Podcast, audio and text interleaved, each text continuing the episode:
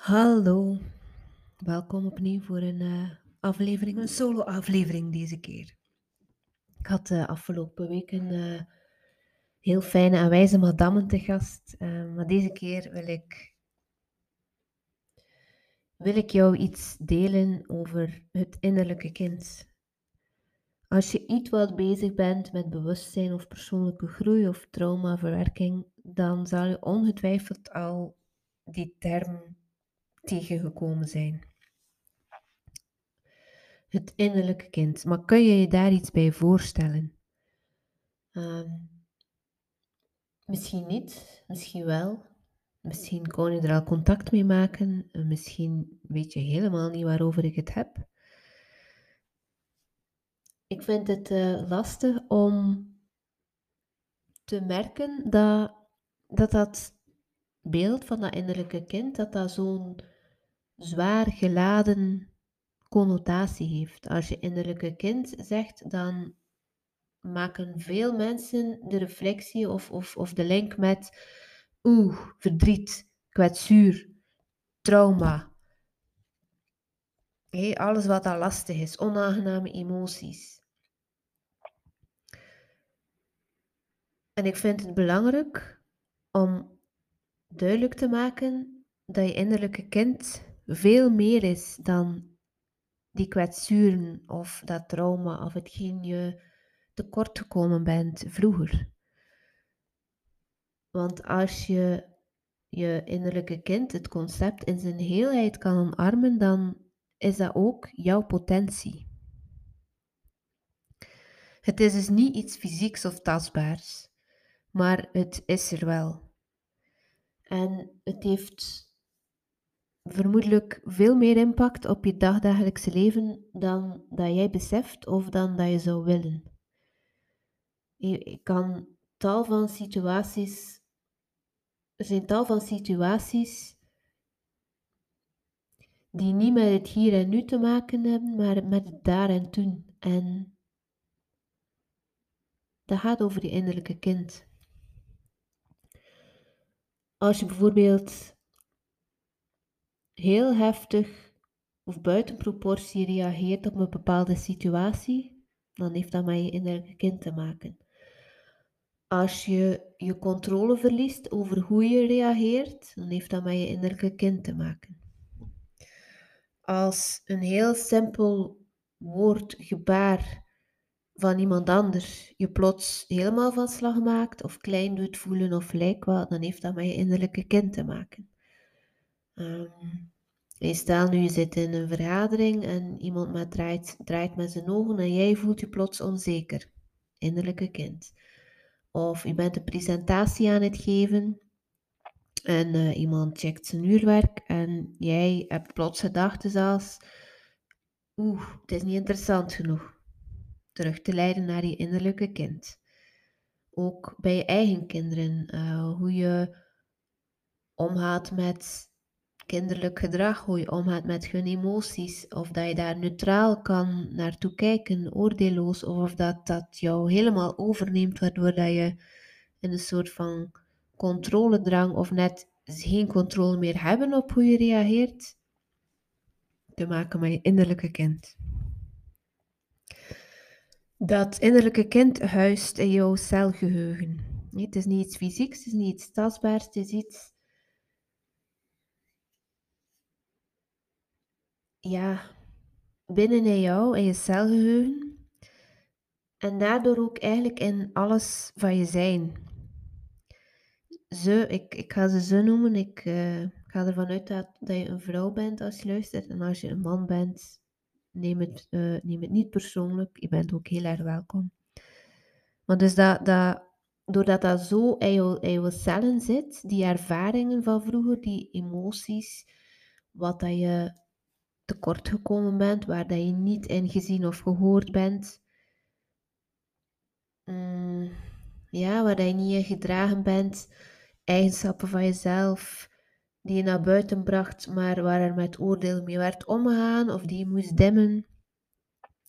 Alles, alles daar rond en hoe, jij, hoe je daarmee omgaan is, hoe, hoe dat, dat voor jou op dat moment was, huist in je celgeheugen. Dus Ze is niet weg, alleen is ze niet meer zichtbaar, maar wel voelbaar. En vaak ook pijnlijk voelbaar, maar ook heel aangenaam voelbaar. Je innerlijke kind is dat kleine meisje dat je was en die liefde, verzorging en koestering nodig had, die dat misschien soms wel, misschien soms niet gekregen heeft. Maar die basisbehoeften, die zitten nog steeds in jou, ook al ben je volwassen. Het is ook een stuk de creativiteit die in elk van ons zit.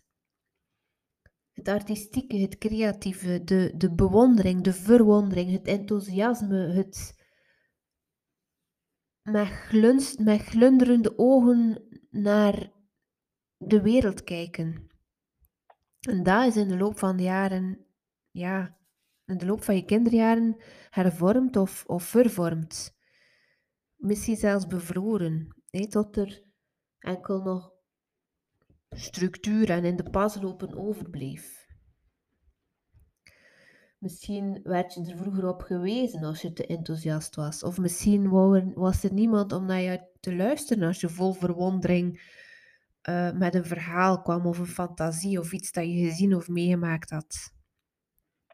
Waardoor dat je een overtuiging creëert, of waardoor dat er een overtuiging ontstaat van oké, dit is niet oké, dit kan er niet zijn.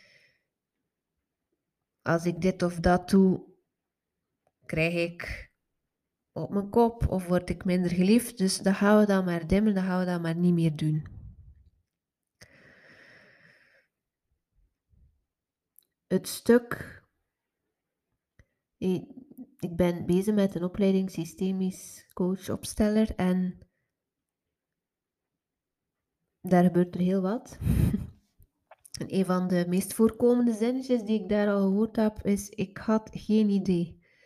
Zowel bij mezelf als bij de andere deelnemers. En we dragen dus ook in onze cellen stukken mee wat eerder in ons familiesysteem voor spanning zorgde, maar niet getransformeerd werd. Ook dat is een deel van het concept van je innerlijke kind. Je innerlijke kind is ook, ja, die pure en die zuivere emoties. De onaangename, maar zeker ook de aangename. En die werden misschien vroeger niet altijd gezien of gehoord, of de volwassenen, je moeder, vader, of de volwassenen, of de opvoeders, of de leerkrachten rondom jou wisten niet hoe ze daarmee omgingen, of erkenden ze niet. Of je moest er toch maar zo snel mogelijk mee stoppen. En vaak gebeurde het dat, dat, dat emoties niet in hun volheid konden ontvangen worden.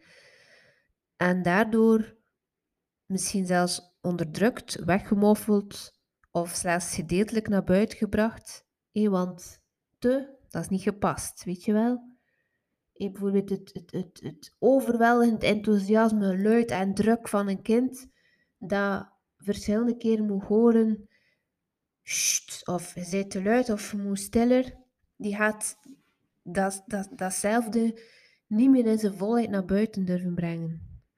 Maar ook onaangename emoties. Een kind dat valt, geschrokken is, pijn heeft en moet horen, maar het is toch niet zo erg, leert eigenlijk dat wat hij of zij ervaart,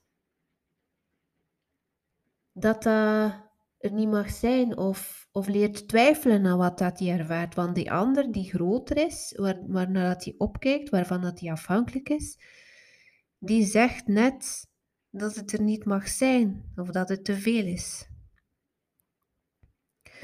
Dus hoe je in volwassen leven omgaat met emoties, of dat je ze überhaupt kan voelen en naar buiten brengen, of dat je ze in een gedimde versie voelt of naar buiten brengt, of dat je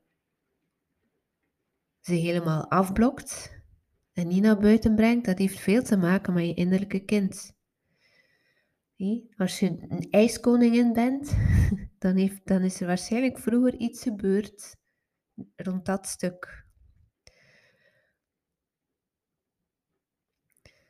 Je innerlijke kind is ook het stuk in jou dat, dat wil ontdekken, dat nieuwsgierig is, dat explorerend is, dat wil beleven, dat wil leven.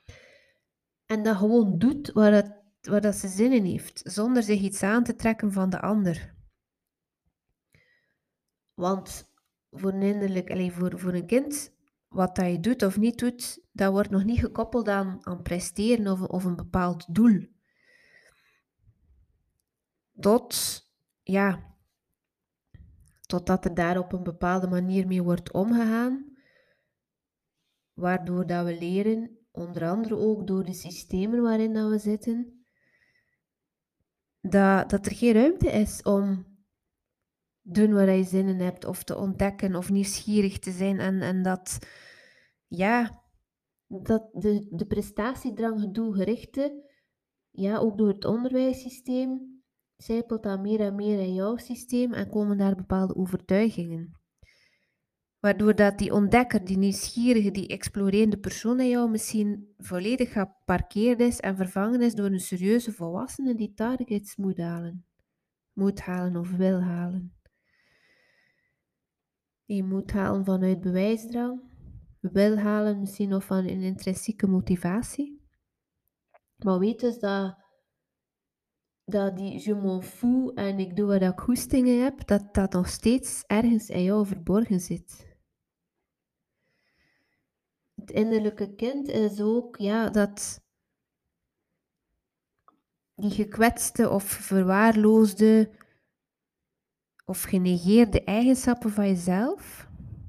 En ik noem dat dan je schaduwkanten. Die zitten te popelen om opnieuw belichaamd te worden. Want pas als je jezelf en al je eigenschappen ruimte geeft, dan, kan, dan pas kun je voluit leven. Alleen, misschien ben je bang om, om die schaduwkanten opnieuw de wereld te laten zien. Want Misschien is het je vroeger zwaar, zwaar gevallen. Ik denk daarbij ja aan van alles. Hé. De lijst is eindeloos. Spontaniteit, enthousiasme, uh, vrouwelijkheid, sensualiteit. Ja, luid zijn, aanwezig zijn, het podium nemen. Hoe er daar vroeger mee is omgegaan, bepaalt of dat je die stukken van jezelf op dit moment nog kan leven en beleven. En je geleefde kanten, dat zijn die stukken van jezelf die je heel goed kent. Maar daartegenover staan er ook schaduwkanten. En ja, soms heb je daar nog toegang toe. En in sommige, misschien, ja, misschien herken je dat wel, dat je um, op, op het werk of in je bedrijf of in je familiesysteem misschien eerder de serieuze bent. Maar als je dan een dagje gaat stappen met die bepaalde vriendinnen, dat je dan weer die enthousiaste en die spontane bent um, met humor. Dus afhankelijk van in welk systeem je zit, en een systeem daarmee bedoel ik, zodra dat je met, met twee of meerdere mensen bent, dan zit je eigenlijk in een systeem, in een dynamiek tussen mensen. En sommige systemen zijn onveiliger om onze schaduwkanten naar boven te brengen, en andere systemen zijn dan wel weer veilig om die schaduwkanten naar boven te brengen. En het gaat erover, kun je en-en zijn.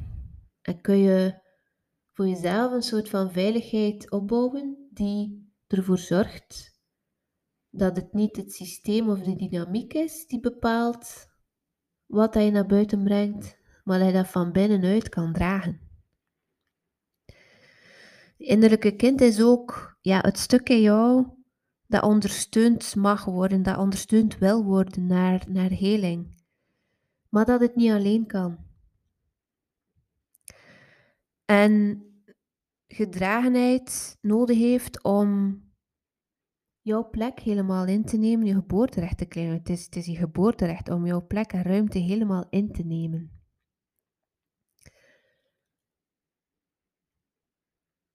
En ook al zijn we groot en volwassen, we hoeven dat niet alleen te doen, maar misschien heb je net dat geleerd vroeger, van het veel te vroeg alleen te moeten doen. Dat, dat was toch, dat is toch zeker in mijn geval zo geweest. Wij, wij, zorgen, wij zorgen voor onze ouders in plaats van omgekeerd. Um, ja. Dus je innerlijke kind is meer dan je kwetsuur over trauma. Het is jouw potentie. En haar volledig omarmen. De lastige kanten. Het, de, ja, de onaangename dingen die daarbij horen, maar ook wat daar tegenover staat en wat dat je nu misschien niet of minder ziet, dat kan je leiden naar de vrouw die je zou kunnen zijn. Ik vind het belangrijk dat die onaangename sfeer rond het innerlijke kind, dat dat opengebroken wordt, want er zit zoveel potentie daarin. Als je ook kan zien dat het de pure versie van jezelf is zonder de conditioneringen en overtuigingen en overlevingsmechanismes. Ja, dat is een goede om te eindigen. wil je hier meer over weten? Of wil je hiermee aan de slag? Dan ben je welkom. Je kan een gratis groeigesprek boeken. En vanaf januari heb ik terug ruimte om trajecten op te starten. Je kan ook een Draagje Krachtdag bijwonen. De eerste is 14 januari, maar op mijn website staan de dagen voor 2023 al vermeld. Je kan een mijn moment boeken. Dat is zo, ja. Ja. Als je er vragen over hebt, laat het me gerust weten. Je bent heel erg welkom. Dankjewel voor het luisteren en graag tot de volgende aflevering. Als je dit luistert voor de feestdagen, dan wens ik je gezelligheid, warmte en verbinding toe. En vooral ook op een manier die klopt voor jou. Dat je ook je grenzen kan aangeven. Um, dat er niet te veel prikkels zijn als dat niet bijdraagt voor jou. Ja. Dat je mag omringd zijn met de mensen die je lief hebt. Dank je voor het luisteren. Tot de volgende.